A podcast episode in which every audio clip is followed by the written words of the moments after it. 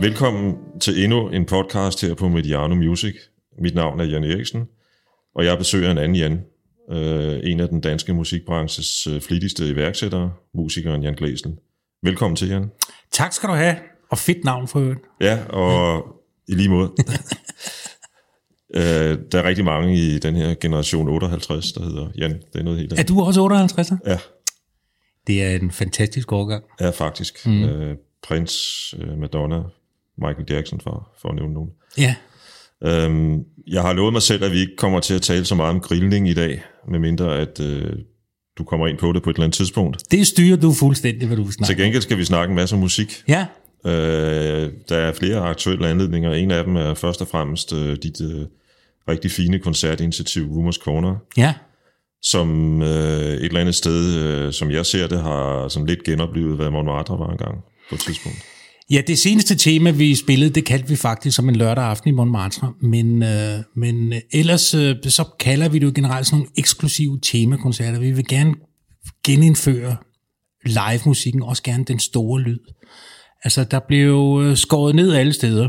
Ideen kom, øh, den sidste runde, jeg lavede talkshowet, mig og ham, der var vi seks mand på, og vi havde lavet fire eller fem sæsoner. Og øh, øh, så da vi skal øh, lave øh, line op til den næste sæson, så bliver der så sagt, at vi vil gerne have, at I øh, fortsætter, men der skal skæres to mand af, fordi vi skal bruge nogle flere i administrationen eller hvad, øh, backstage. Og øh, altså diplomatisk som man er, så har man jo lyst til at sige, jamen det finder vi ud af, så indspiller vi nogle backing tracks og, øh, og spiller til dem, og så løser vi opgaven endnu en gang for at spare nogle penge. Men øh, som du selv sagde, så er jeg 58'er, og når man kommer op i den alder, så på et tidspunkt, så siger man, nej, nu skal det simpelthen være på min måde. Så jeg takkede nej til det der. Og så gik vi, kunne vi selvfølgelig alle sammen i orkestret have sat os hjem og ligesom sidde og ventet på, at telefonen ringede. Og så kom jeg op med den idé, hvad hvis vi nu siger, at vi spiller på hverdage, vi laver, vi finder et fast sted, vi kan være, og så spiller vi nogle temakoncerter, som vi spiller en, og hvis den bliver udsolgt, så maks to gange. Øhm, og så vælger vi et tema, det kan være, vi kan have George Michael aften, vi kan have ABBA aften, vi kan have... Øhm, og så alle i orkestret spytter, spytter ind med det, og øh, alt efter hvad tema det er, så, øh, så udvider vi, eller øh, øh, skærer lidt ned. Der er jo en grund til at have en blæsersektion på, øh, på 5 til British Soul, det kan man godt klare sig mm. med mindre. Men vi er altid et sted mellem 11 og 15 mand på scenen. Og øh, det har vi lavet som musikforening, øh, og det kører rigtig, rigtig godt. Det breder sig ligesom øh, fra mund til mund, der er navnet Rumors Corner. Ja. Det er i Lunden, I Lunden ude på travbanen. travbanen, ja. Vi har spillet i Sigurdsgade, der starter fra 15 øh, helt frem til sidste år, der har vi kun spillet i Sigurdsgade. Men så tænkte vi på, lad os nu prøve ligesom at udvide øh, kundeunderlaget ved at gå ud i reservatet derude. Ja. Og, øh, og så mødte jeg Bølle, som har, øh, øh, har i Lunden derude, og så fandt vi ud af en model, der kunne hænge sammen på den måde. En af de andre øh, aktuelle anledninger, øh, som, som øh, har fået mig til at tænke på Jan, er den her comeback-turné, som Anne Sanne Lis øh, påbegynder i maj måned. Øhm, I forbindelse med noget research, jeg sidder og laver til en bog om, om disse tre Ja, øh, dejlige sangerinder. Og deres betydning i dansk rockmusik øh, har jeg jo opdaget, at du har en enkelt eller to gode historier at fortælle om din tid i Anne Linnet Band. Dem kommer vi tilbage til lidt Ja. senere. Øh, mange vil kende dig fra dine øh, mange år sammen med Linje 3, og også sammen med Thomas Eje for den sags skyld, ja, øh, som orkesterleder. Øh, denne her podcast kommer faktisk til at indeholde nogle nedslag i nogle af de vigtigste punkter i historien om dansk populærkultur, hvor hold da op.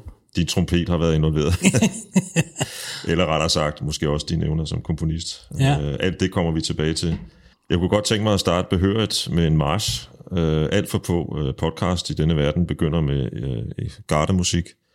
Det er Tivoli Garden med øh, Tivoli Garden i Gala, som din far skrev i sin tid, og du kom senere hen til at være medlem af Tivoli Garden selv. Lad os lige lytte lidt til det.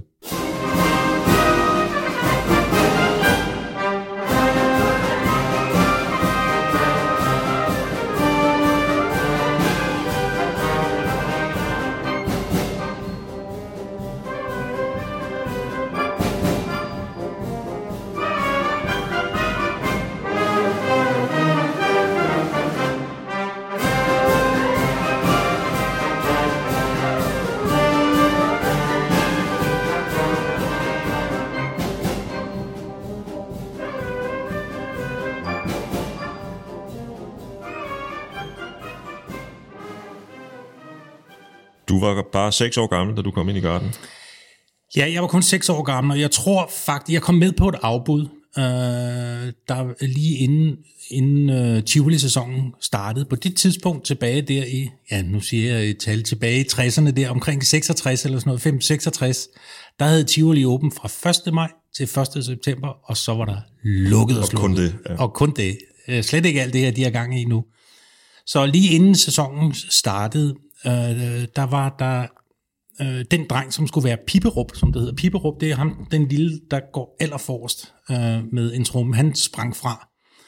Og så var gode råd dyre, og da min far, han allerede på det tidspunkt var musikalsk leder af Tivoli Garden, så, øh, og jeg havde allerede øh, udvist en lille smule evner ud i musik derhjemme, så sagde, sagde min far, lad, lad os prøve, jeg kan godt stå inden for, at han vil kunne øh, hoppe ind på tromme. Ja, man starter jo på tromme i Tivoli Garden, og mens man øh, går dernede som lille dreng, så kan man vokse op. Der er et hak på en, eller på det tidspunkt var der et hak på en dørkamp. Når man ramte over det, kunne man ikke være i tamperkorpset mere. Og så skulle man op i orkestret, og hvis der ikke var plads til en, så skulle man lige tage en sæson i fanevagten og være geværslever. Så jeg blev udstyret med, med trommestikker og gik og spillede der. Og øhm, så øh, skulle jeg jo, øh, mens jeg gik der, så skulle jeg oplæres i et instrument, der kunne bruges op i orkestret. Det nytter ikke noget, at der er 50 trommeslager deroppe. Så jeg ville selvfølgelig spille basun, ligesom min far han gjorde. Det, mm. Sådan er det jo altid. Men øh, min far han sagde meget klogt, han siger, nej, du skal ikke spille basun, du skal spille trompet. Nej, det skal jeg ikke, jeg skal spille basun ligesom dig. Nej, du skal spille trompet. Nu gør du det bare, og du vil takke mig for det. Og så begyndte jeg at, øh, øh, at tage trompetundervisning ind i Tivoli Garden, og øh, kom rimelig hurtigt op i orkestret, og der fandt jeg så ud af, hvorfor at, øh, det var rigtig godt at spille trompet. På det tidspunkt, der rejste Tivoli Garden utrolig meget. Ja, du har været meget ude at rejse sammen med. Ja, øh, og øh, øh, hele Tivoli Garden røg til, du ved, til Stockholm, til Tyskland, en enkelt gang til England, og sådan frem og tilbage. Men når alle de eksotiske rejsemål, de kom, når det sagde Australien, Amerika, Ægypten og alt det der, så var der ikke råd til at sende de der 100 drenge afsted. Og så, så var det basunen, der blev skåret fra. Ja, og tubager og fløjter og klarinetter, hele møllen blev skåret fra, så lavede man det, der hed et fanfarehold, det vil sige, man tog fire trompetister, og så havde man sådan nogle trompeter, hvor man havde rettet klangstykket ud, og så hængte man et flag op for enden. Så en trommeslager og fire, øh, og fire trompeter, de rejste hele jordkloden rundt. Øh, så jeg havde 10 helt fantastiske år. Det, du skulle til at sige det, det må da have været vildt for en lille dreng. Jamen, det, det var det også.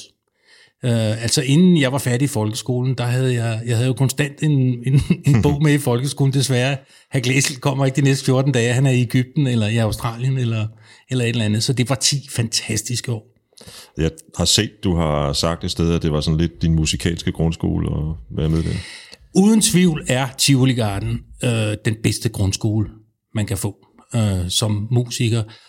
Både på godt og på ondt. Øh, altså det gode er, at man øh, øh, rent disciplinmæssigt og øh, altså musikalsk disciplinmæssigt, man lærer at læse noder, man lærer at, fort, øh, at fortolke tingene rigtigt. Øh, det er den bedste måde, man kan blive klædt på til at gå over på den anden side. Ja, det er det så ikke mere, men at gå på det musikalske, øh, øh det kongelige musikkonservatorium.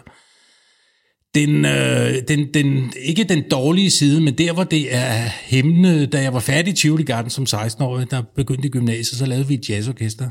Og øh, jeg mødte jo kægt op, jeg ville jo gerne spille, spille noget jazz, og så, øh, det var sammen med Frans Bak og Paul Halberg og, og sådan noget. Så mødte jeg stærkt op til første prøve, og så blev der, sagde jeg, hvor er mine noder? Noder, siger du, det bruger vi ikke her. Det, øh, vi, tager, vi spiller bare nogle soloer. Jamen, altså, jeg, jeg skal have nogle noder. Altså, man bliver meget bundet af, af konformiteten i Tivoli Garden, og øh, det tog mig lang tid at komme ud over det. Ja, der, er lidt, der, er lidt flere, der er lidt mere sådan frie tøjler i, i sådan en jazz-sammenhæng som den, du... Ja, og man skal jo lære at im- improvisere. Øh, jeg bliver aldrig den store improvisator, men jeg har da lært at øh, slå fremme. Så de, alle de ting, jeg har lært i Tivoli Garden, det forsøger jeg, har jeg altid forsøgt på at få over i mit arbejdsområde, altså med at lave ordentlige arrangementer. Nu siger du det der med Rumors Corner, det ville ikke kunne lade sig gøre, hvis de bare mødte ind, der ikke var nogen noder. Altså jeg bliver nødt til at lave arrangementer på alle noder til alle folk, der siger, du spiller derfra og dertil, og du gør, som der står i noden, så kan vi få det til at hænge sammen med kun en tre timers prøve, inden vi spiller koncerten.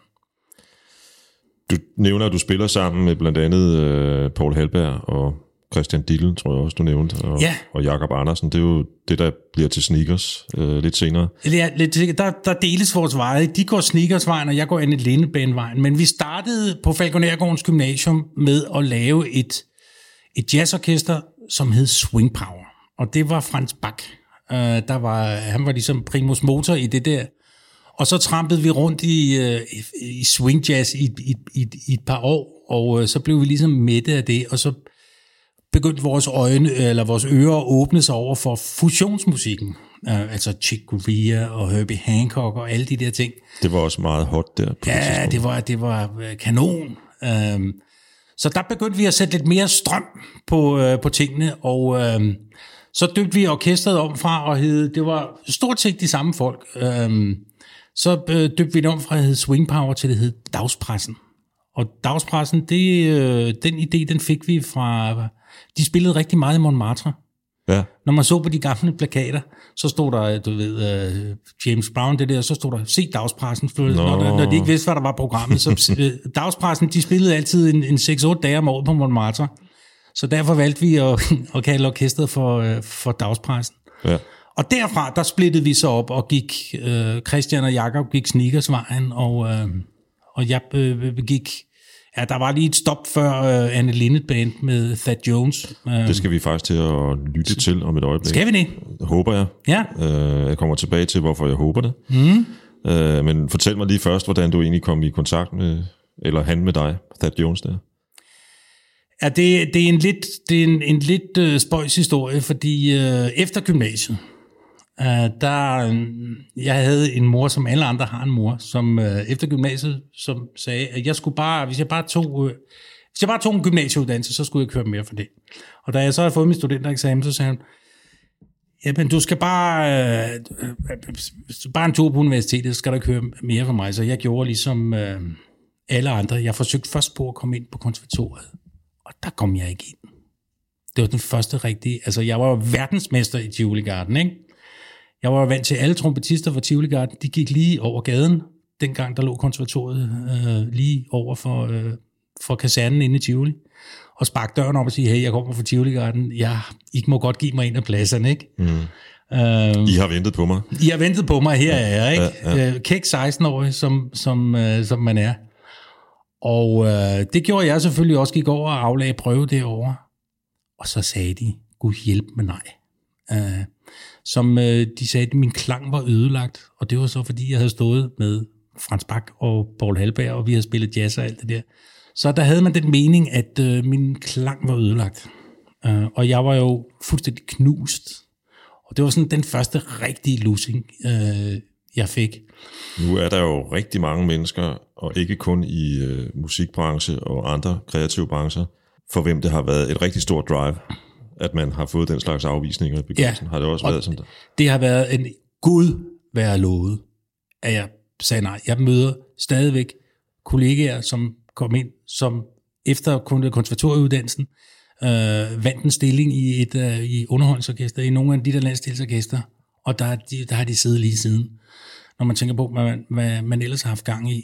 Men for at komme tilbage på, på sporet, hvordan... Mod Thad Jones. Ja, så øh, sagde at jeg må hellere gøre min mor glad. Så, så begynder jeg at studere musikvidenskab over på, i Klærkegade over på Musikvidenskabeligt Institut, og det var gabende kedeligt. Det eneste, man ikke beskæftigede sig med stort set, som jeg så det på det, det var musik. Altså, det var alt muligt andet. Det eneste fripunkt, der var, det var, der var musikvidenskab, der havde et big band, øh, som øvede en gang om ugen, og det nød jeg helt vildt. Øhm, og på et tidspunkt, så skulle der komme der en gæstelærer. Det var, der var Thad Jones allerede i landet, der arbejdede han med radioens Big Band. Og der har han sagt ja til en workshop derinde. Og kom ind og havde os i en, øh, en 3-4-5 dage.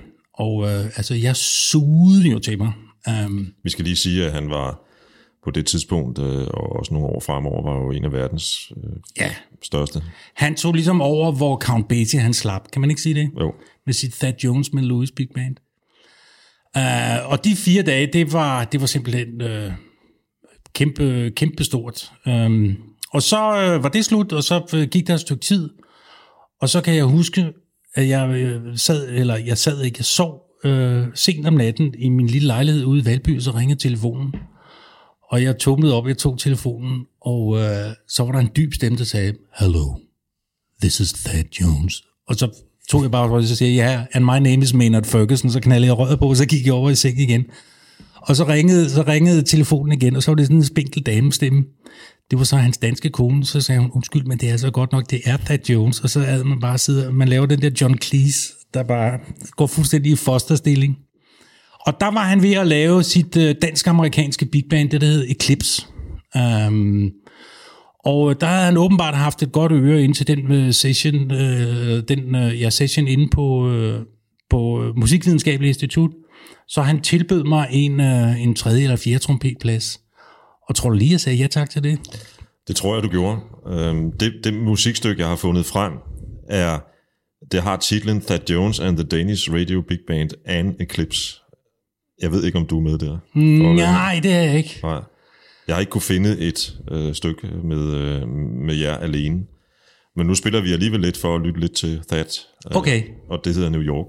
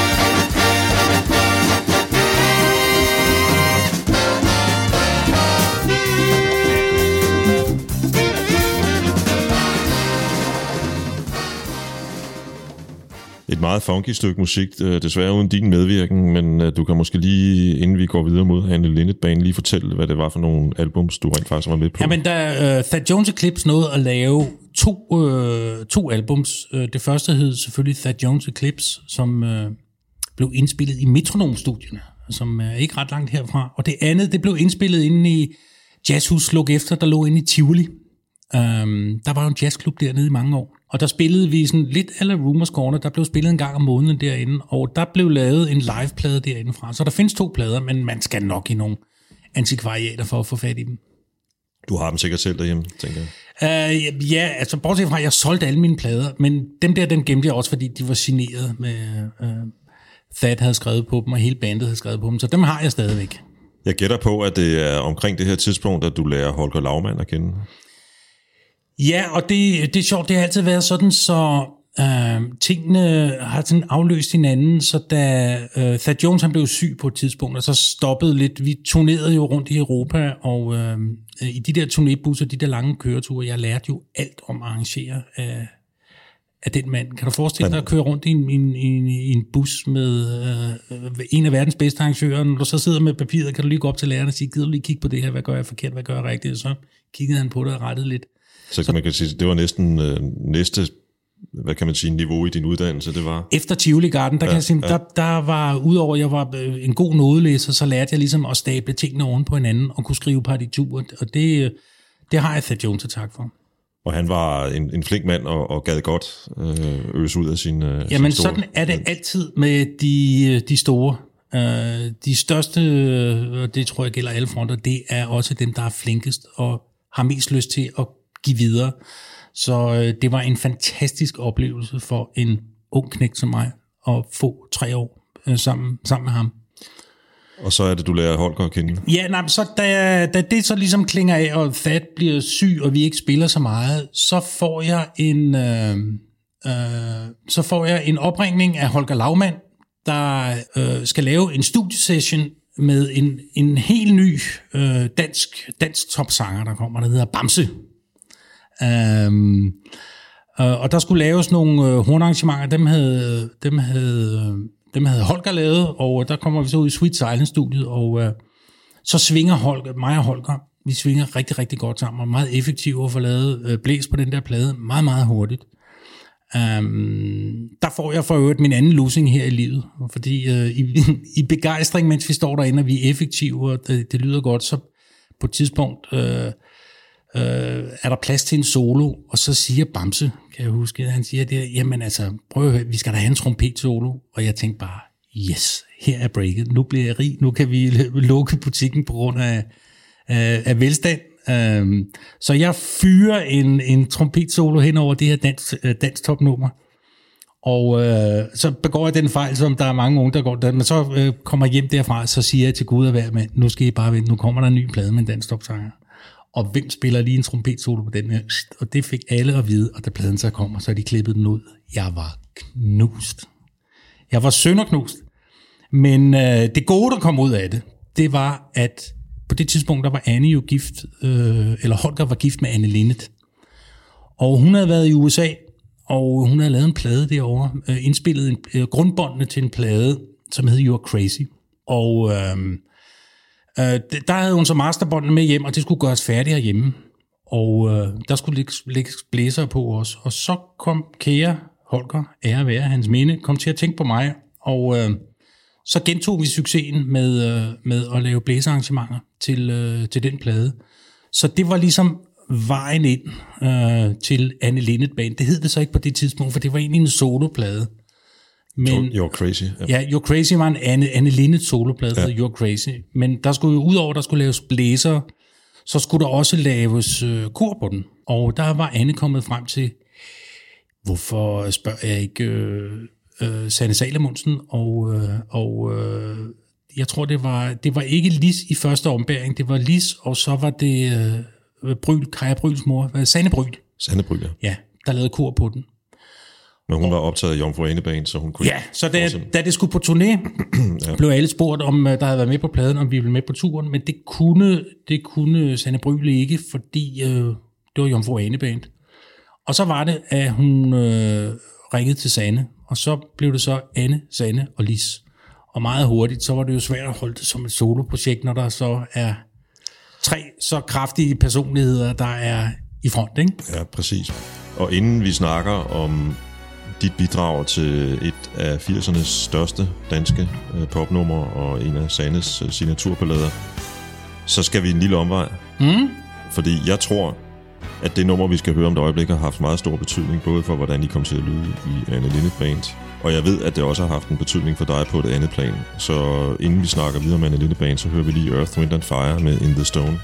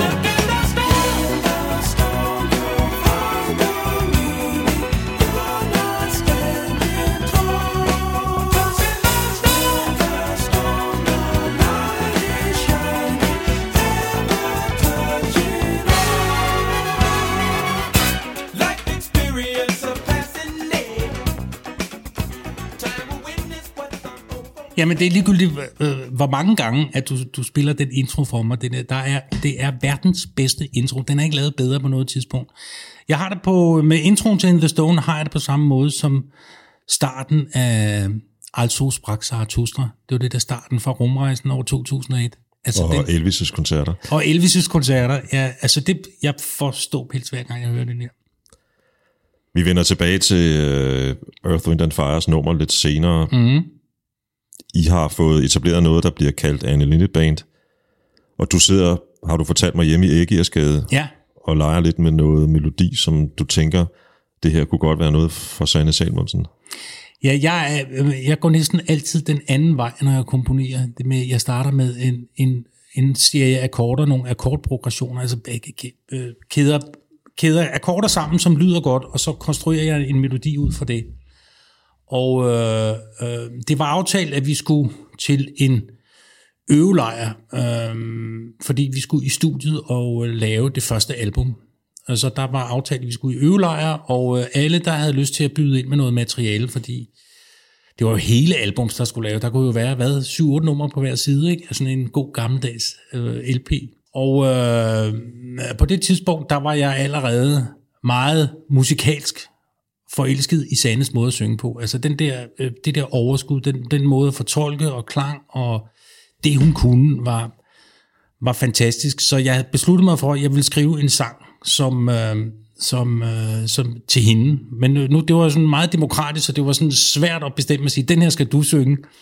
Så det var, øh, det var sådan øh, tit øh, Anne, der ligesom... Det, vi hørte nummeret, og så blev det ligesom fordelt, hvem der laver hvad. Og øh, stedet, som jo er, så fandt, så fandt jeg ud af en måde at omgå det på, ved at lave det så kom- kompliceret. Det er ikke det, du siger, den stiger tre gange, den modulerer, ligesom den, man kalder Melodi Grand Prix. Øh, den lige rykker, du ved, ja, effekten, finten. Ja. Men finten, den bruger jeg tre gange i det nummer, og det var simpelthen for at få den op i et leje, hvor jeg vidste, at det kun var Sande, der kunne øh, følge med. Så da jeg ligesom kom med min, som jeg jo er opdraget med, med mine noder og lave til alle, der var nogen, der kiggede på dem, der var andre, der ikke kiggede på dem, og vi spillede det igennem, så stod det meget hurtigt klart, at der kun var en, der kunne, der kunne, øh, der kunne synge den sang. Så øh, altså via snedighed, så lykkedes der mig at opnå det, jeg gerne ville. Og øh, Anne skrev en tekst ganske hurtigt til... Øh, Ja, det, nu har jeg jo siddet derhjemme i Æggesgade og, og bøvlet med den her i, øh, i øh, ja, et par uger. Jeg tror, jeg har brugt et par uger på at sidde og, og, og, og strikke den sammen. Men øh, så er det jo sådan, når man sidder med sådan nogle melodier, så der, øh, laver man altid øh, øh, noget vrøvletekst. Um, altså for eksempel Yesterday, jeg ved ikke, om du har hørt den historie. det er noget med Scrambled Eggs. Ja, scramble eggs. No, no, no, no, no, no, scramble eggs. Øh, Så der laver man altid sådan noget vrøvl, når man sidder og laver det. Men der var jeg kommet frem til, øh, det var vrøvl i A-stykkerne, men, øh, men øh, B-stykket, øh, det, der er ikke det, du siger. Det var, it ain't the way you treat me, it ain't the way you tell a lie, it ain't the way you leave me, it's just the way you say goodbye. Og ain't, jeg ved ikke, det, øh, det gra- grammatisk er det heller ikke... øh, Det er amerikansk også og sådan noget. Ja, jeg tror, det er sådan sort amerikansk. It, ja. it ain't me. Um, men det var ligesom det, øh, det, der stod på mit papir, der stod bla bla bla bla bla bla, og så it ain't the way it ain't the way tell a lie. Og øh, nu har jeg siddet der i tre uger og knoklet med den der melodi, og øh, da vi så havde prøvet den der om formiddagen, så skulle vi spise frokost, og så siger Anne, øh, jeg kunne lige ind i soveværelset. Uh, og så tog hun papir og blyant, og så gik hun ind i soveværelset, og så sad vi og spiste, hvad, et kvarter 20 minutter, og uh, så kom hun ud med den fabelagtige danske tekst, som det er. Og det er faktisk kun ende, der kan sådan noget.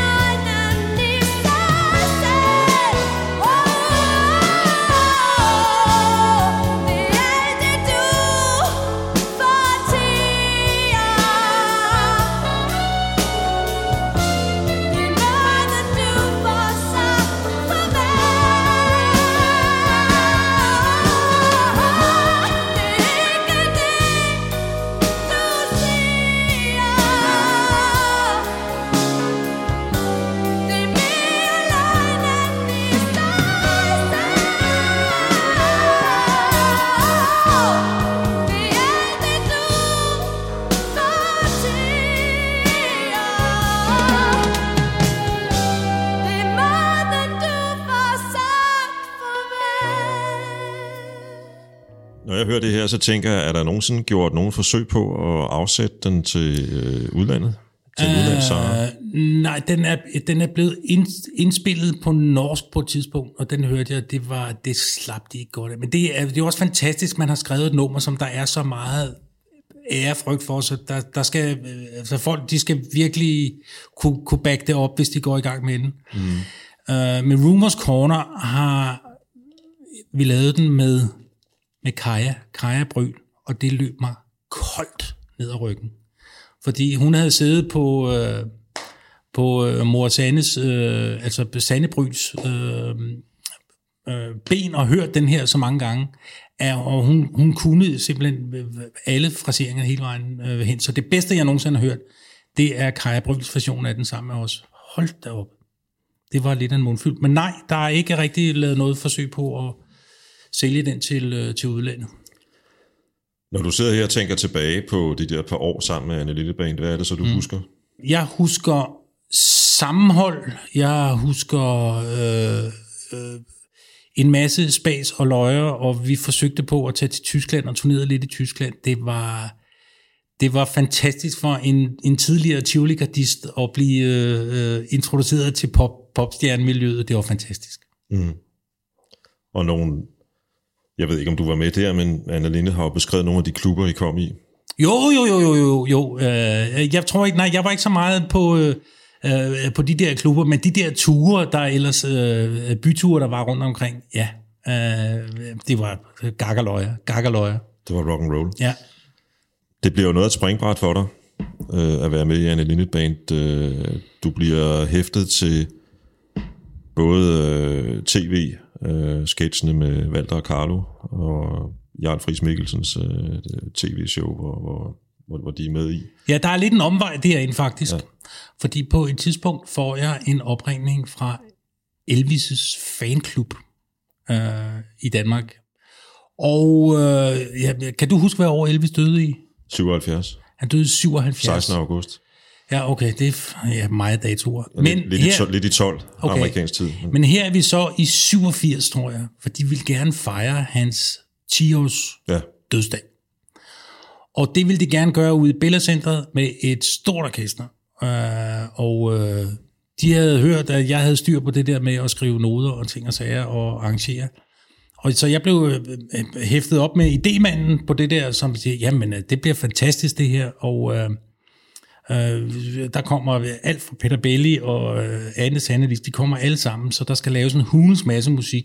Øh, så du kan godt gå i gang, og jeg skrev, og jeg skrev, og jeg skrev, og jeg ringer over en gang imellem, hvad er de, den der, øh, kan vi ikke lige lave en aftale om, om, omkring øh, en, øh, det her, at det bliver afregnet på en eller anden. Jo, jo, men det er fint, og kort, en kort historie, eller en lang historie gjort kort, så stak manden af med kassen. Øhm, så jeg sad med sådan en stabel partiturer, øhm, og det blev aldrig til noget, men det blev kogt ned til en lille version, der blev holdt inde i Alexandra. Jeg kan ikke huske, hvad der er der derinde i dag. Den gamle Alexandra, det var et spillested, der lå samme side som Montmartre, lidt længere nede. Det lå lige over for kirken der? Eller Ja, over det var, det var en gammel biograf. Ja. Um, der blev det kogt ned til et seksmandsorkester, altså en rytmegruppe, to blæsere, og så øh, et par få solister, og øh, så skulle vi bruge en konferencier, og det blev så Jarl.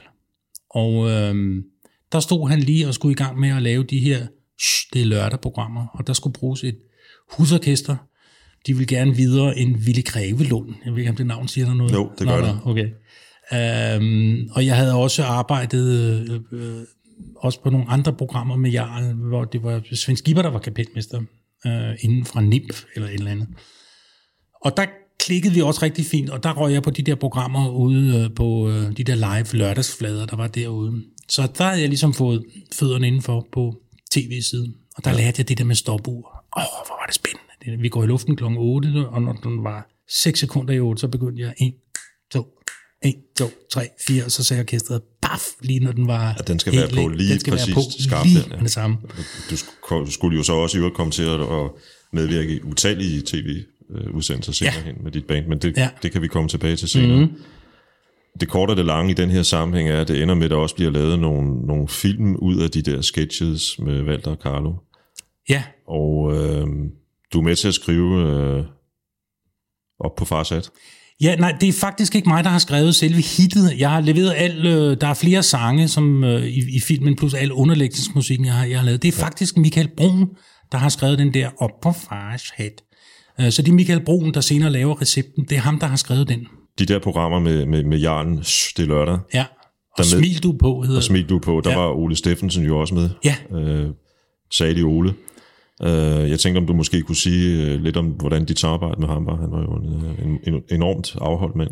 Jamen altså, øh, som jeg sagde, øh, øh, nyhederne var hjemme her for, for den der. Også fordi jeg skrev et par sange til ham, som indgik i nogle af de der film. Ja, han sang faktisk... Øh, Han sang faktisk rigtig, rigtig godt. Han havde en fortid i, øh, i Danmarks Radios drengekor. Øh, hans mor øh, var, var musikpædagog, så han øh, kom fra et hjem med klaver, og han havde den der Ben Crosby dybe stemme. Øh, men Ole har altid været en fest at arbejde med, og øh, var der en ting, han ikke kunne, så han kunne ikke udstå øh, inkompetence. Altså, man skulle kunne sine ting fra start af. Det kunne han selv, og det forventede han også af, af andre. Så øh, det så sent som i sommer øh, var jeg sammen til en, kom sammen ud på Nordisk Film, hvor vi sad og snakkede hele aften. Altså det var som om de her sidste været 25-30 år bare var fløjet forbi. Så ære være hans minde. Jeg synes lige, vi, inden vi går videre, skal lige lytte til øh, første Eddie-plade, som den hedder, øh, med øh, op på fars hat, fordi det går jo rent faktisk, nu har du så bare skrevet, eller i går så har man bare skrevet filmen skåret, mm. men det går faktisk hen og bliver et af de mest spillede numre på DR overhovedet i 80'erne, har Ja. jeg læst for nylig. Mm. Det, det er med på en top 5, tror jeg faktisk. Ja, Øh, og det er på mange måder sjovt at tænke på, blandt andet fordi øh, det på en eller anden måde sætter det jo lidt sådan rygterne om DR's sådan kultursnopperi i den periode lidt, lidt i baggrunden, i hvert fald lige hvad ja. det angår. Ikke?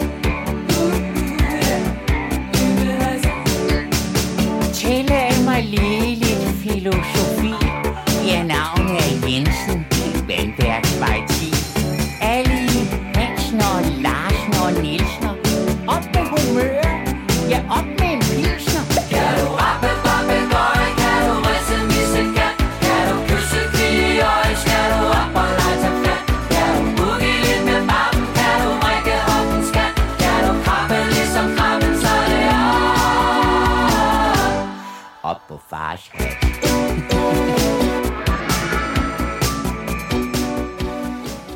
Der blev lavet en video til det her nummer, som er taget ud af filmen, og øh, den så jeg på YouTube i går, og der står en øh, meget langhåret Jan Glæsel. ja en meget langhård, men allerede med, med, på det tidspunkt med, øh, øh, med en vinehårgrænse. Øh, McDonald's, med McDonald's hår, som min søn han kalder den. Ja det samme her, allerede dengang. Men ved du hvad, jeg siger ligesom Otto Branden, hvor han siger til mig, selvom man er tynd i toppen, behøver det ikke betyde, at der ikke er saft i roden. Han var altid god for en one-liner. Har du flere af den slags? Ja, hvis, når vi kommer hen til noget, der passer, så er der sikkert... Øh, for, Det lyder rigtig godt. ja. På det tidspunkt er der jo øh, kommet rigtig godt gang i din karriere, faktisk. Mm-hmm. Øhm, du bliver kontaktet, det er et eller andet sted i 80'erne også, øh, af linje 3. Ja, sideløbende med alt det her, der, øh, der grundlægger jeg verdensfirmaet JG Musik APS. Øh, som det er en, en geschæftig fyr op i Hedehusen, der har, har bygget et stort studie deroppe, øh, som hedder Solid State, øh, hed det. Det kan jeg godt huske. Um, og øh, han havde jo godt fundet ud af, at det der med sådan et stort studie, der ligger i Hedehusen, der får jeg ikke øh, lukket ret mange popstjerner ud. Så hvorfor gør vi ikke det, at øh, vi hjælper nogen i gang med at lave nogle små satellitselskaber, der kan lave nogle forskellige ting, uden at folk træder hinanden over fødderne. Og øh, så henvendte han til mig, øh, fordi han havde fundet ud af det der med, at jeg var god med et storbo og kunne lave præcis ting og sager. Så jeg begyndte at lave lige på det tidspunkt, der bliver monopolet brudt, og øh, TV2 må begynde at vise reklamer på tv. Så jeg begynder at lave reklamemusik, øhm, og laver det her JG Musik APS, hvor øh, jeg henvender mig til reklamebyråer, og øh, ja, det kan man sige, der, der bruger jeg lidt tv-udsendelsen som et springbræt til ligesom at kunne sætte en fod i døren på de der store reklamebyråer, som, som der var på det tidspunkt. Det siges, at sig Jolly til din cola stammer fra dig. Uh, det gør den ikke. Det gør den ikke. Nej, det gør den ikke, men uh, for at ikke gå tænke på dig, det er min. Og jeg har lavet uh, uh, go- god smag hver dag hos McDonald's, og jeg tror, jeg har lavet over 400. Over 400, ja. Ja, ja. Uh, der, er lavet, der er lavet ret mange, men jeg har, har uh, genindspillet, uh, lavet otte forskellige arrangementer af Jolly Cola-reklamen. Jeg tror, Ivan Laban er vist inde over der. Med den oprindelige, uh, Med den oprindelige, ja. Jolly til din cola. Jeg kunne godt tænke dig at spørge dig, inden vi så går videre, fordi når man, når man, øh, det jeg kender til er at have- arbejdet som journalist i, i, i, i næsten 40 år efterhånden, mm. øhm, og nogle gange kan man ende på en vagt, en aftenvagt eller en tidlig morgenvagt, hvor det, man bliver sat til at lave, ikke nødvendigvis er vanvittigt spændende. Hvordan går man egentlig ind til sådan en opgave, der hedder at skrive en, øh, en fængende øh, reklamemelodi, et, et hook? Jamen, der skal man have det gen, der hedder at være bestillingskomponist. Og det er jeg udbredt. Altså, jeg kan gå øh, måneder, år, uden at skrive noget, hvis der ikke er brug for det. Men det dag, der er telefonen ringer og siger, at jeg skal bruge det og det, det skal være så og så langt, det skal være klar på tirsdag, så, så, slår der et, øh, så slår der en kontakt til, og så, så kommer tingene bare. Der er mange, der tager ordet bestillingskomponist som, som øh, øh, nedladende på det, sådan ser jeg det slet ikke. Øh, en af de største bestillingskomponister, vi har, det er her Ben Fabricius Bjerre, ikke? Altså, bum, han kan spytte øh, tingene ud. Så jeg synes, det er en meget fin ting at, at kunne de der ting. Og det var det, som jeg kunne med øh, reklamefilm. Men som du selv beskriver, det der, man møder ind på en vagt, der er nogle dage, altså, hvor man får et eller andet sorbit tygummi, eller et eller andet Essilor brilleglas, eller et eller andet, hvor man virkelig skal... Øh, man virkelig skal vride, vride svampen derop for at komme op, øh, komme op med et eller andet. Um, og det er jo, i dag er det gået meget mere over til at være lyddesign. Altså, der bliver jo ikke lavet, der bliver ikke lavet musik på samme måde til reklamefilm i dag, som der gjorde. Man kan jo hive det ned fra nettet, licensfrit øh, ting og sager. Men årsagen til, at jeg stoppede med at, at lave det, det var jo egentlig, at hver gang du afleverer sådan en 20-30 sekunder snas, så er du jo faktisk et lille barn. Det er et lille godt popnummer, du, øh, du afleverer. Ikke? Øhm, så øh, da, da markedet ligesom begyndte at blive presset på det der, og øh, de ville have det billigere og billigere, og det var nemmere bare mor, en lang tone og nogle lydeffekter og noget sus, så steg jeg af på den der. Ja. Tilbage til linje 3. Mm. Eller tilbage med linje 3, kan man Ja, der skal vi så helt tilbage til Smil du på. Jeg er ikke helt sikker, om det er Smil du på, eller, eller shh, det er lørdag, men en af de to, der var der en gennemgående figur, øh, som blev spillet af Thomas Eje, som dukkede op i alle mulige forklædninger, og så var han Preben Møller Hansen, og så var han øh, Uffe Ellemann. Der var, han, øh, han dukkede op som nye personer i alle programmerne. Og øh, vi connectede rigtig, rigtig godt. Og på det tidspunkt, der var de i gang med øh, at diskutere at lave en musical, som hed Tre mand klædt af til skinnet. Øh, som er en, øh, en, en musical om tre, øh, barndoms, tre drenge, øh, barndomsvenner, der alle sammen bliver stand-up-komikere. Og det var stand-up. Hvad var det? Altså, På det tidspunkt anede man overhovedet ikke, ingen, hvad vidste, hvad det var. Nej. Og øh, øh, de, købte, de havde set den på Broadway i New York, og den skulle sættes op ude på Falconer, og der skulle bruges et, øh, et orkester øh, til det. Og øh, kvæg det, vi havde lavet det her sammen ude i TV-byen, ude i Studie 3, så spurgte han mig så, om, øh, om øh, jeg ville komme til et møde med dem, og de, vi snakkede om, om, om den der musical, som blev en dundrende fiasko. Det var, det var sindssygt god, men folk kunne simpelthen ikke abstrahere på det tidspunkt. Der var linje 3 altså the shit, ikke? Øh, de havde lavet tv i teltet. Uh, ligegyldigt hvor de viser, så blev de jo uh, hilst med med folk, der lå på knæ og, og det hele. Og så, der var en masse, der havde købt billetter til det her nye linje 3 show, som de troede det var. Og så var det sådan en, en, rimelig, en rimelig alvorlig teater musical. Så det kunne folk ikke rigtig, øh, det kunne de ikke rigtig øh, forholde sig til. Det var sådan lidt uh, Dirk Passer om igen, måske med mænd og mus. Ja, det, øh, ja faktisk. faktisk. Men da vi så var færdige med det, der skulle de i gang med deres 10-års jubilæumsshow, som vi jo lavede over i, øh, vi startede over på, øh, hvad hedder hotellet over i Horsens derovre? Bygholm Park Hotel. Ja. Skulle lave det over. Vi skulle spille hele sommeren derovre.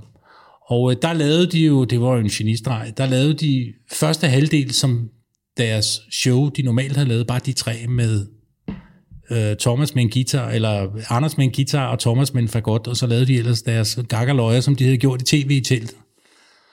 Og så havde de jo været så smarte, så de havde ikke adviseret, at der var orkester på. Så øh, anden afdeling, den startede det der One No Silver Thread Among the...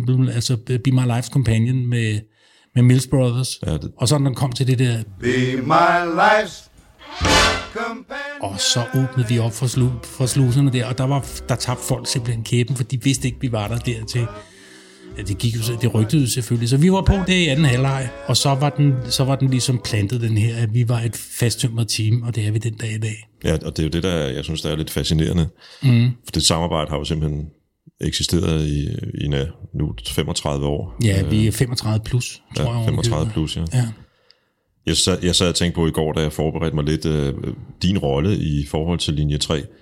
Øh, er du også sådan en, der har lov til at komme med input til det musikalske, eller er det de tre selv, der... Nej, altså, vi, altså det er vel blevet til med årene, at jeg er blevet en slags linje 4, ikke? Um, altså vi øh, spiller meget pingpong. De har jo øh, hver især deres øh, idéer om, hvad de gerne vil lave, og det sorterer jeg i, og det respekterer de mig for øh, at gøre. Så det på, på den måde, at det er et perfekt samarbejde. Altså jeg fører deres tanker ud i livet, men øh, forklarer dem også lige, prøv at se, det her, det, det er altså, det, det er umuligt, hvis vi nu gør sådan her i stedet for. Altså, jeg gør det umulige muligt, øh, og så øh, effektuerer vi det sammen. Er I blevet venner også? Jamen, det er sådan, øh, det er sådan med linje 3, både de tre imellem, men også os fire imellem, at vi er hammerende gode venner, når vi arbejder, og de ser stort set ikke hinanden, når, der ikke, når de ikke arbejder. Øh, altså, så det er sådan et meget, meget, meget specielt øh, samarbejde. De har også det der med, de har jo aldrig haft en instruktør på til deres forestillinger. De kører en model, der hedder, de er direktører hver en uge gang, når vi arbejder. Så hvis der er noget, der går i hårdknud, og de overhovedet ikke kan blive enige, at det går helt op i en spids, så bliver der brudt af, så siger vi, okay, hvem er direktør den her uge? Jamen, så siger Anders, det er mig. Fint, hvad gør vi? Jamen, vi gør sådan og sådan. Fint, bum, videre. Og næste uge, der kan det være Thomas, der er direktør, så er der ham, der bestemmer. Der er der sådan en vis konsensus om at, at øh, gøre, og det, det fungerer. Jeg tror ikke, du kan instruere linje 3. Jeg tænker, at når man, hvis vi sådan nogenlunde følger kronologien, så nærmer vi os sådan cirka 1990 nu. Øhm, jeg tænker, at man, man, når, man, når man står som leder af, af et orkester, som du gør, så må det måske også indimellem kunne være lidt fristende at se sig selv inden center stage. Øh, altså som ham, der ligesom er den, der har den. Og jeg, jeg, eller, jeg kan huske, at du og har læst mig til, at du udsendte et album på et tidspunkt øh, omkring det her. Øh, Hole in One, tror jeg. Hole in one, ja, men det, øh, øh, jeg har aldrig haft drømmen om at være center stage. Jeg har det perfekt der, hvor øh, jeg har det, men øh, der er så også mange, der synes, at når man er øh, kapelmester, som jeg er, og man øh, laver, man nedværdiger sig til at lave reklamemusik, og alt det der, at man ikke har nogen holdning til musik, og der tager de gruelige fejl.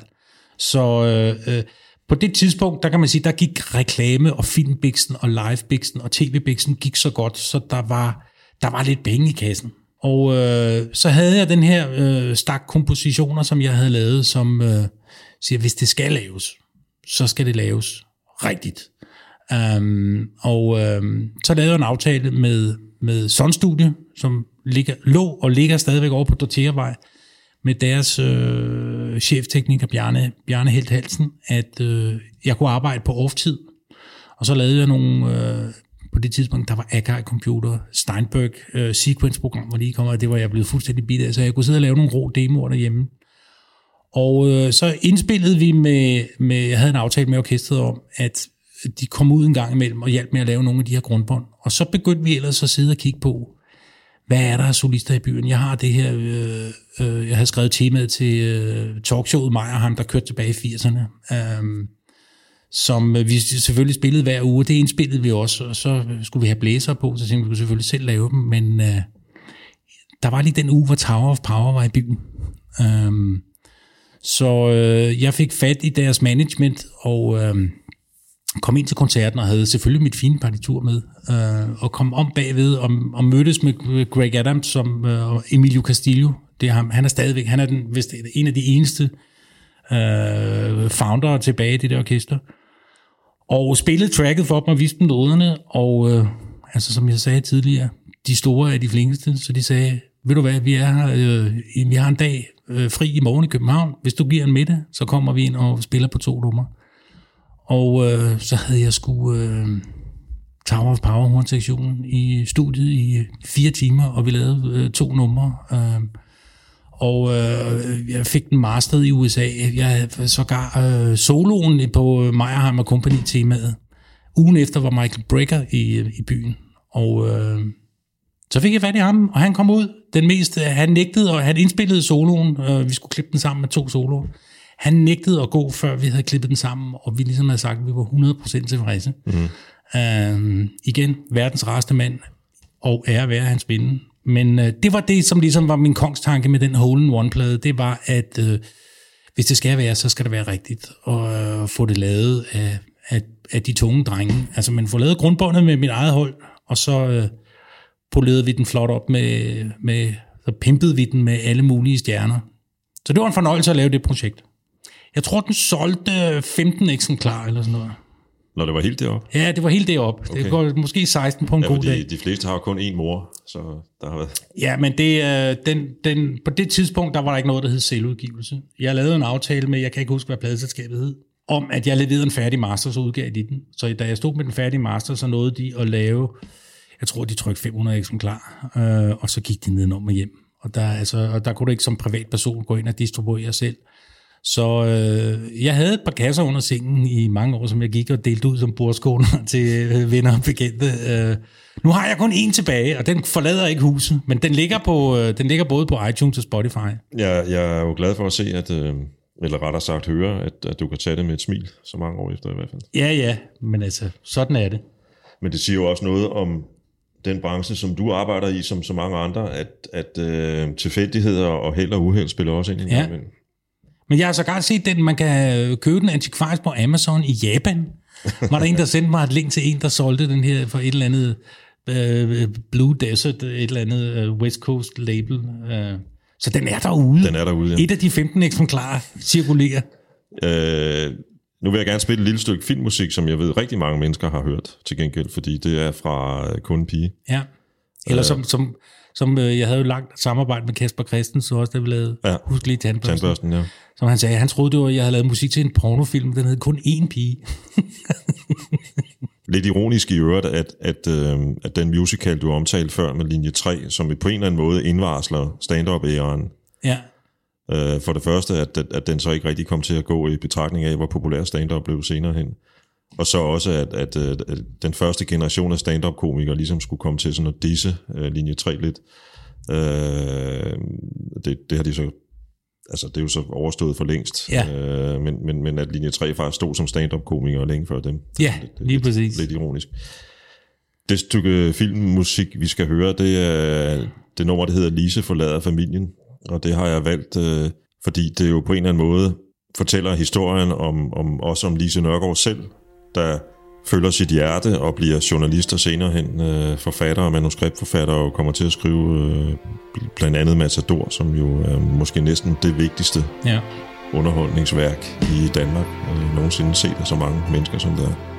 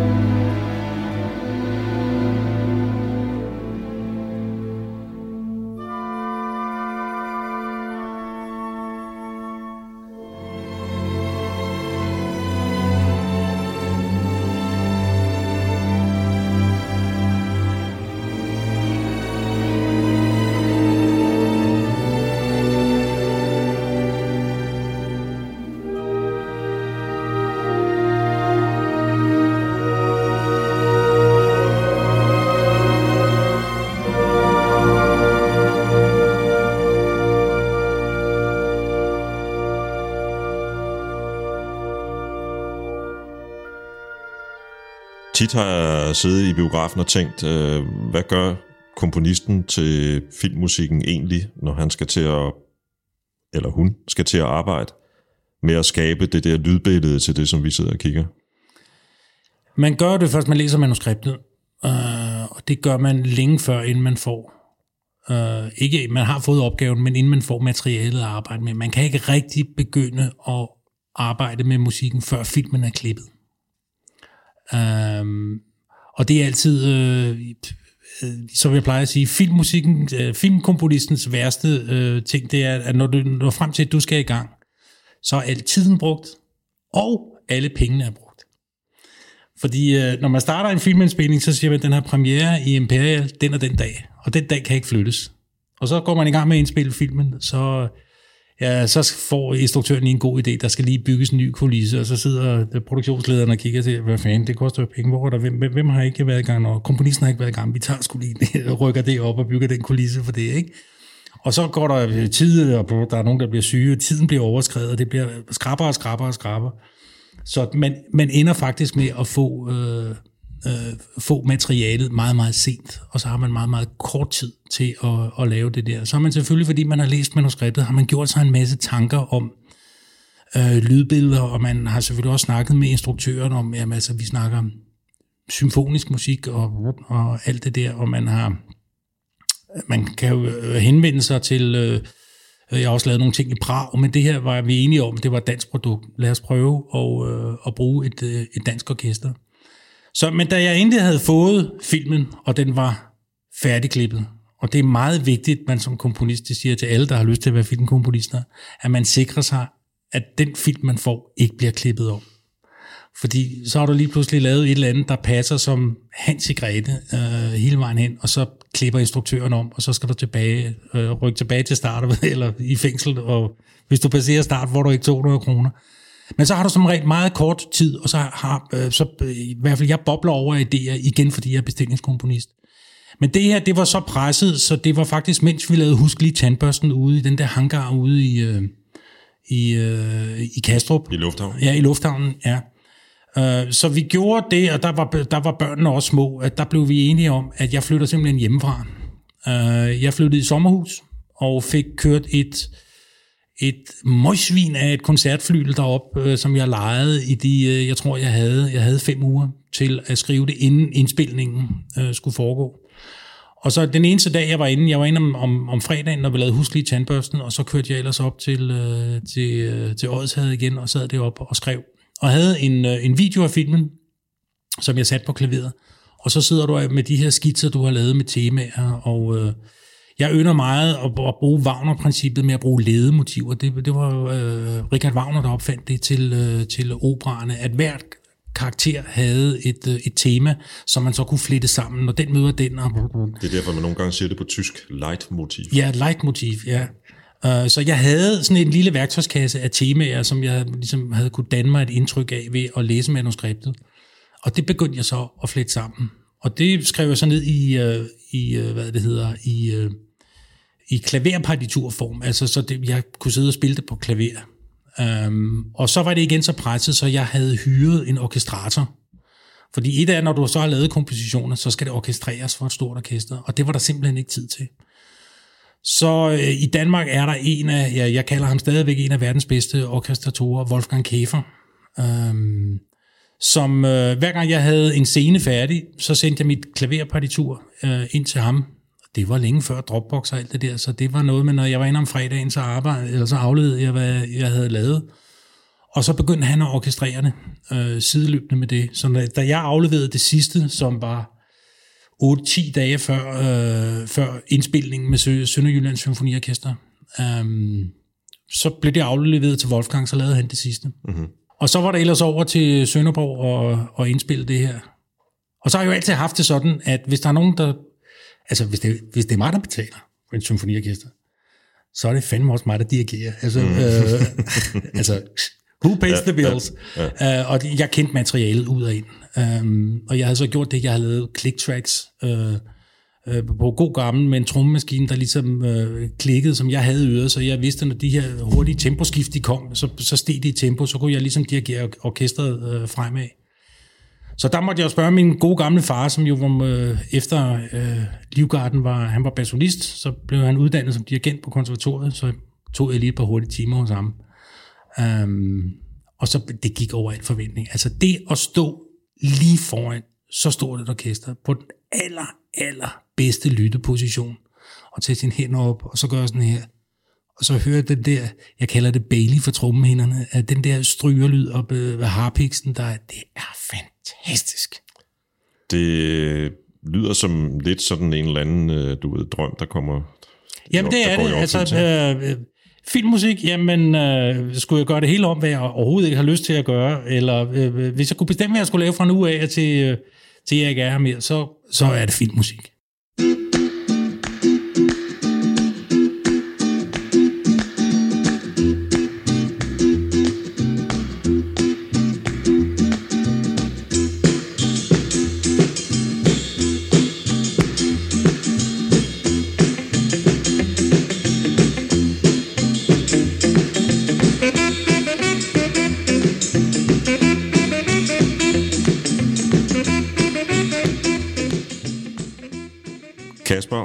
Annette og Tandbørsten, det er nogenlunde samtidig, siger du?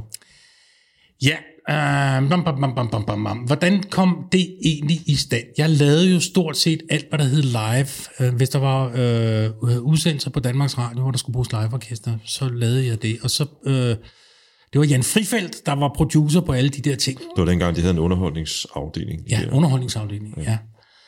Og så havde de jo kommet op, de havde fundet det der koncept i England, der hed Don't Forget Your Toothbrush. Og øh, der havde Jan Frifeldt solgt mig ind til, til, øh, til Kasper, som det, det, får vi, det får vi sgu glæsel til at lave det her. Der, var jeg jo, der er jo faktisk lige præcis 10 år en dag mellem Kasper og mig. Uh, så de synes jo allerede, at jeg var en, en, en, en falderet gammel mand på, uh, på det tidspunkt. Men de vidste også, at så stor en ting, der kørte live, at det blev nødt til at være en, der kunne uh, holde fast i tøjlerne og tælle for, så det startede Til for, som vi snakkede om otte. tidligere. Øhm, og det sagde bare slim slam slum. Øh, så var vi øh, bedst pærels og kommunikerede på nøjagtig samme måde, som jeg bare kommunikerer med alle mulige andre. De vidste præcis, øh, at mig og Kasper og Annette og hele produktionsholdet, hvordan den ged skulle barberes. Jeg sad faktisk i går og så et YouTube-klip fra en af, af en af udsendelserne. Det var primært for at sidde og se den måde, I, I indledende på, fordi der spiller I, mm-hmm. og, og så sætter de to showet i gang, og det er tydeligt, at der er en, en form for koreografi, eller i hvert fald en connection mellem især Annette og jer, der står dernede og spiller. Ja, Øhm, var det lige så vildt, som man husker det så mange år efter, at være med til det? det jeg kan huske, der gjorde det, altså når man var i det, så var, var det ikke vildt, men jeg kan huske det der med, når udsendelsen var færdig, og jeg satte mig ud i min bil, og jeg lukkede døren, og der blev stille, så gik det op for en, hvor meget kaos der havde været den dag. Vi var derude klokken 9 om morgenen, ikke? og vi var jo færdige først ved halv 11-tiden, eller sådan halv 11-11-tiden, hvor man bare var i, og man startede fra scratch hver dag. Der var selvfølgelig et manuskript, men alle de der cases skulle prøves, og ting og sagde, at det var vildt, og nogle gange var der, Robert Palmer var forbi, og Paul Young, og altså der var masser af, og de ting skulle jo bare sidde i skabet. Men jeg husker tydeligt det der ind, og så lukke bilen, øh, bildøren, sup, og så kunne jeg bare høre det der mine ører,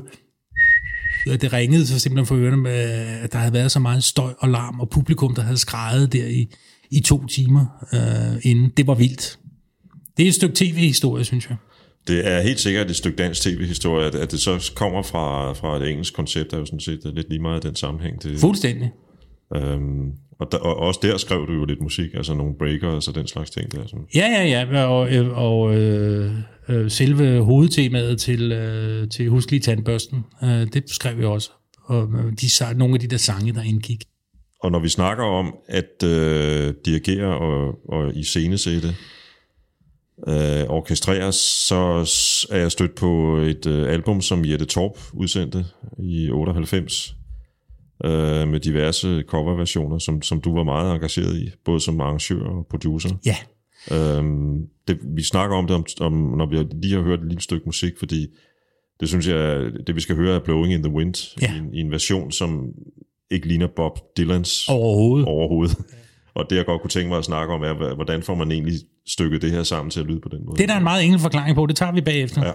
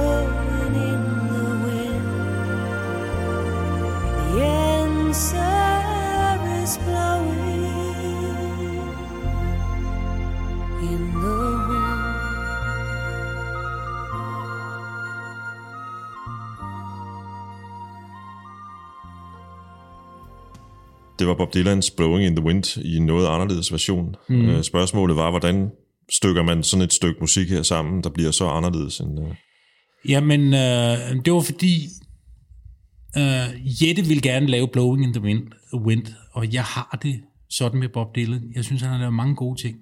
Han skal bare selv holde sig langt væk fra dem. Jeg kan simpelthen ikke holde det, holde det ud. øh, så øh, jeg tænkte længe over, hvordan pokker man skulle øh, vende og dreje den. Og hvis du kigger på årstallet, så tror jeg næsten, at det er samme år, som øh, Titanic-filmen kom. ja, der, der står her, det er 98, så det er året efter. Så. Det er året efter, ja. og jeg var fuldstændig vild med, øh, med titelsangen fra, øh, fra øh, Titanic. Og hvis du har den kobling, så var det, er det den, øh, der starter med fløjten. Ja. Øh, så det er simpelthen bare øh, Titanic, øh, det var, det var Sissel, ikke? Var det ikke Sissel Kirkebø, der... Hun sang. Ja, hun sang. Ja, det er rigtigt. På et af numrene, ja. Ja, øh, og det, men det er jo Celine Dion, der har den, øh, øh, der, der synger øh, selve hittet der. Men det er simpelthen den indpakning, det er Titanic-indpakningen, der bare er flyttet over på øh, Blowing in the Wind. Og den kom en dag på en cykeltur lige pludselig. Og så viste det sig, at korsangeren Helle Hansen, som sang på alle Jettes plader, en kæmpe kapacitet. Hun siger, jamen jeg kan godt spille blokfløjte, og så viste sig, at hun var en beep på, øh, på blokfløjte. Hun er fantastisk. Hun har vist udsendt en del plader selv også, tror jeg. Hun, Jazz, hun er så, og hun øh, deltager i komponistkonkurrencer i USA, og hun vinder hver gang. Helle Hansen er øh, øh, stor kapacitet. Øhm, det er meget smukt, og man kommer jo, som du selv øh, nu har ledt mig ind på, jeg, jeg, det vidste ikke, før du sagde det, men jeg kan da godt høre, at man kommer til at tænke på Kate og Leonardo. Og ja, lige præcis. Ja. Øhm, vi nået op midt i, øh, i, i tierne, og, eller i nullerne, undskyld, 00'erne, øhm, og, og du med, med din, din øh, gode samarbejdspartner Tom, Tom, Thomas Eje i øh, USA, Ja, øh, på hans, øh, hans, hans eventyr i, øh, i Nevada-ørkenen i Las Vegas. ja, en del af den. En del af den. Ja. Øhm, Faktisk, da vi var færdige med jubilæumsshowet, øh, det, det der hed Rundrejsen år, nej, ikke Rundrejsen år 2001, i fire lavede de også et show. Dagen efter den sidste forestilling, der pakkede, eller Thomas havde pakket, alt var pakket, alt var solgt, og dagen efter, der øh, tog han til, øh, til Las Vegas. Det Ja. ja. var en, øh, en stor drøm for ham, at, at komme i gang med det. Øhm, her på Mediano øh, Music og på Mediano generelt også, tror jeg, der er vi ikke så meget for janteloven. Øh, så jeg kunne egentlig godt tænke mig at vende det lidt på hovedet. Det er jo ikke nogen hemmelighed, at det ikke gik øh, fantastisk Nej. for Thomas. Øh, øh, og det er der mange grunde til. Han har, han har jo selv sagt i sin øh, biografi, at øh, det var lidt ligesom, og, og lidt sjovt, som at tage en tur med rusjebanen, og så komme gennem Skærsilden og Hulum Hejtoget samtidig. Ja. Øhm, hvad, hvad lærte du af det, hvis man skal prøve at kigge på det positivt? Altså, hvis man skal gå tilbage og ligesom sige, hvad var drømmen fra, øh, for, for Thomas? Rent faktisk var vi med linje 3 på deres allerstørste show, hvor de to andre, der var vi i USA på en turné, hvor vi tog rundt til alle mulige danske foreninger. og Til danske foreninger, Ja. Øh, og var rundt. Og det er en legendarisk tur. Vi havde en fest, det var vidunderligt. Og øh, der var rent faktisk planlagt, at vi skulle spille i Las Vegas øh, for en eller anden dansker øh, forening der. Men på det tidspunkt, der var fagforeningen så stærk i øh, Las Vegas, Så de kunne få lov til at optræde, de kunne få deres kapelmester med, men vi skulle hyre lokale musikere. Og øh, det, kunne, øh, det, det, kunne de ikke, over- det kunne de ikke overskue. Øh, altså med at, at prøve andre musikere. Og, altså fordi vi var meget sammenspist øh, på, det, på det der tidspunkt. Det var Nils, Nils Vinkens, den legendariske... Manager for... Nej, nej, han var ikke manager, han var impresario. Impresario, han var den undskyld, sidste impresario, Ja, undskyld, der, der var tilbage. Ja. Uh, der havde sat alt det der op, uh, og han havde et stort hjerte for Las Vegas, derfor skulle vi have lagt- lægge vejen forbi Las Vegas. Uh, men så vi kom til Las Vegas, men det blev ren ferie, fordi vi, øh, vi måtte ikke spille. Uh, så vi havde en to-tre dage i, i Las Vegas, og øh, Øh, der var vi inde og se shows, og øh, øh, blandt andet en af dine tre st- store inspirationskilder, øh, en, en, en amerikansk act, der hedder The Smothers Brothers. Jeg ved ikke, om du har hørt om dem. Nej, men hvis du finder noget af det, så vil du kunne se en meget, meget stor, en ærefrygtig inspiration fra dem. Også tre, også tre mænd. Ja, det, det, de var to, men nogle gange var de tre. Og øh, dem var vi inde og se, og dem kommunikerede de også lidt med. Vi var også inde og se Jerry Lewis og ting og sager, og der kunne man bare se på Thomas. Hans øjne var fuldt så store som tekopper. Det var det her, han gerne ville. Og der kom faktisk, et, så vidt jeg husker, et tilbud om, at de kunne være, linje 3 kunne være opvarmningsakt for, øh, øh, for, for Smothers Brothers. Men øh, det var kun Thomas, der var med på den. Uh, og det, det giver jo sig selv. Preben er jo en kæmpe stor scenekunstner her i Danmark. Mm. Altså, hvad skulle han i Las Vegas? Og Anders havde det i og for sig på samme måde. Um, så det blev ikke til noget. Men den drøm, der var den ligesom plantet for Thomas. Og den øh, kommer så tilbage. Øh, den kommer så tilbage der i øh, 2004. Øh, min private teori er, at det, der kan man sige, der er han at der brænder han ikke så meget for det mere, og så er det, Las Vegas har ændret sig så meget fra den gang, vi var derovre første gang, at det bliver den der øh, rutsjebanetur. Altså fordi, øh, han tog det over først selv, og ligesom forsøgte på selv at få det hele op og stå. Han lavede ligesom to, to forsøg søg på det. Og øh, det, var en, det var en stor øh, mundfuld. Der havde han øh, styr øh, på, øh, på det hele, bortset fra øh, musik og scenografi og alt det der, så det gik ikke. Så da, da det ligesom første forsøg var forfejlet, ikke forfejlet, men det ikke gik så godt, det gik ikke sådan, som Thomas gerne ville have det. Så ringede han så og spurgte, om jeg havde lyst til at komme over og ligesom give det et skud mere, for nu havde han fået en chance ned på, på strippen i stedet for. Uh, men altså, Las Vegas har ændret sig meget på de 10, 15, 20 år, at det er, altså der er jo en industri derovre i at tage folk ved næsen. Mm. Altså jeg husker det der, da vi så kom ind på det der øh, teater, hvor vi skulle optræde og komme ind og sådan en helt tom scene. Så siger vi, jamen nu er vi her. Nå, jamen fint, øh, kan I ikke lige tænde lyset? Skal I bruge lys? Siger så. Frem med blokken og notere, jamen det koster så og så meget til. Jamen, hvad, hvad, hvor er mixeren? Skal I bruge en mixer? Altså, så det løb, det løb. Altså, det var ikke til at, at, at kontrollere. Det er næsten som at flyve med et lavpris. Fuldstændig bare øh, gange, gange 100. Ja.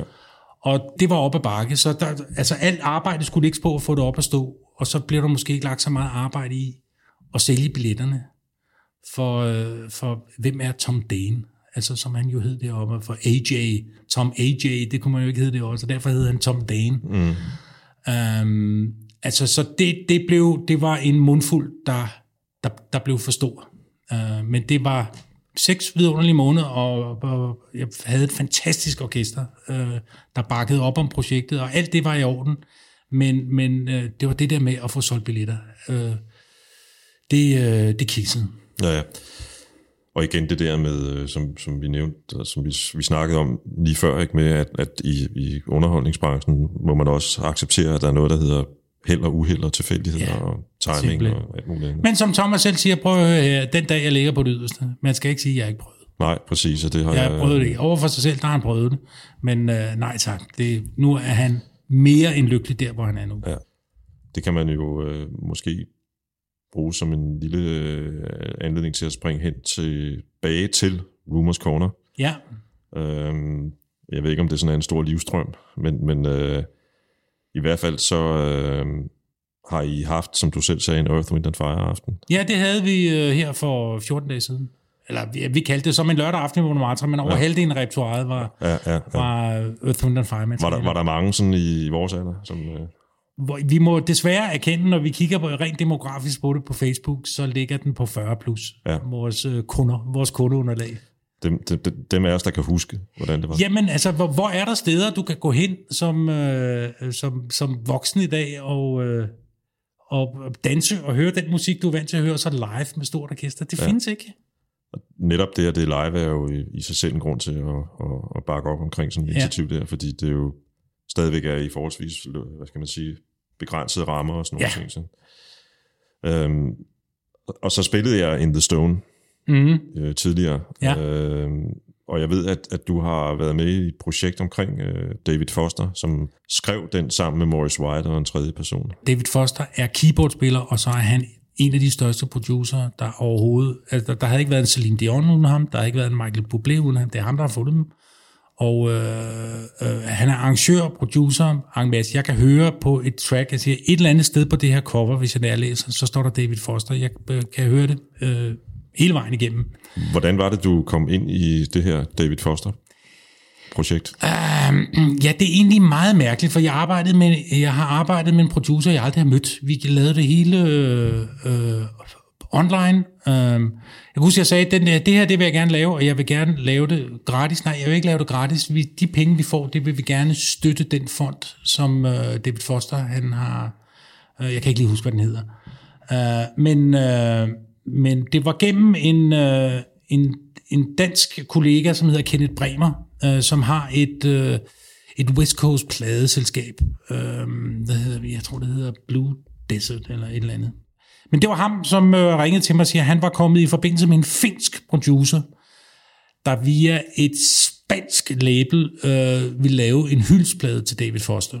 Og øh, øh jeg blev sat i forbindelse med den her øh, øh, finske øh, producer, som sendte noget materiale, der jeg har aldrig fået så, så godt et oplæg. Altså det var virkelig gennemarbejdet sheets, jeg fik og skulle lave øh, øh, de her hornarrangementer ud fra. Nu var der selvfølgelig In The Stone, hvad, skulle vi øh, lave øh, et nyt øh, hornarrangement til, og hvem kan overgå det? Øh, så jeg, jeg øh, skrev og skrev, men oplægget var fantastisk, og øh, så samledes vi, efter jeg kom hjem der i 8, der samlede jeg hele hornsektionen herhjemme, og så havde vi to dage, hvor vi indspillede de her seks, øh, seks numre til den her plade.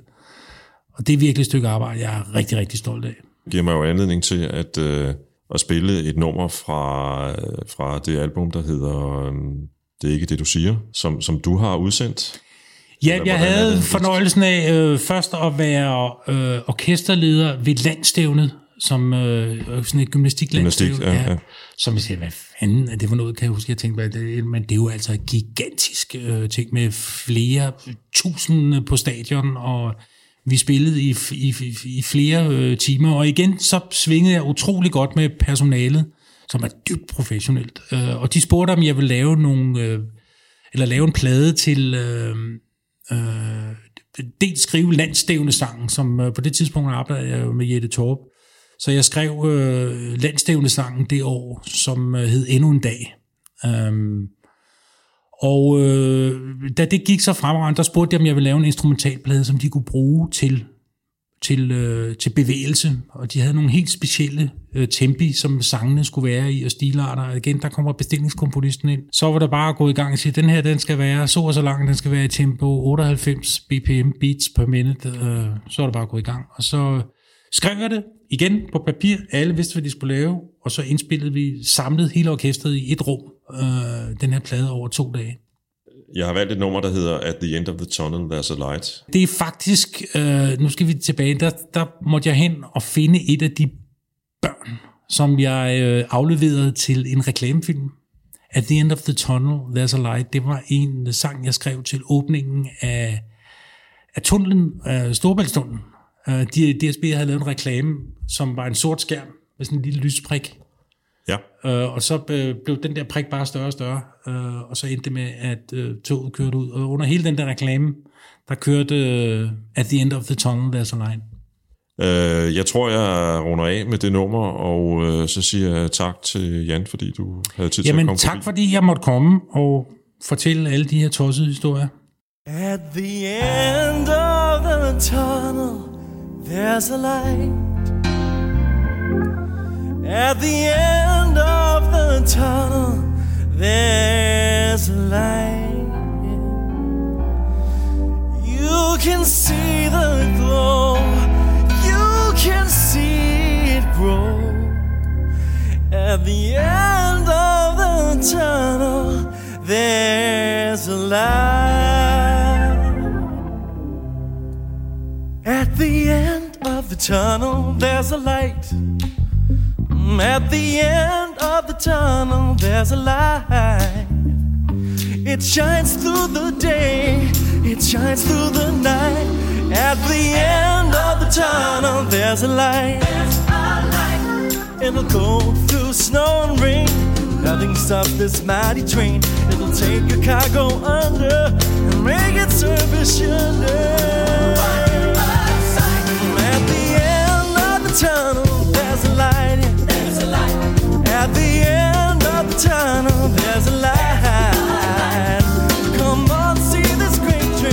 I'm sure it's a freight train.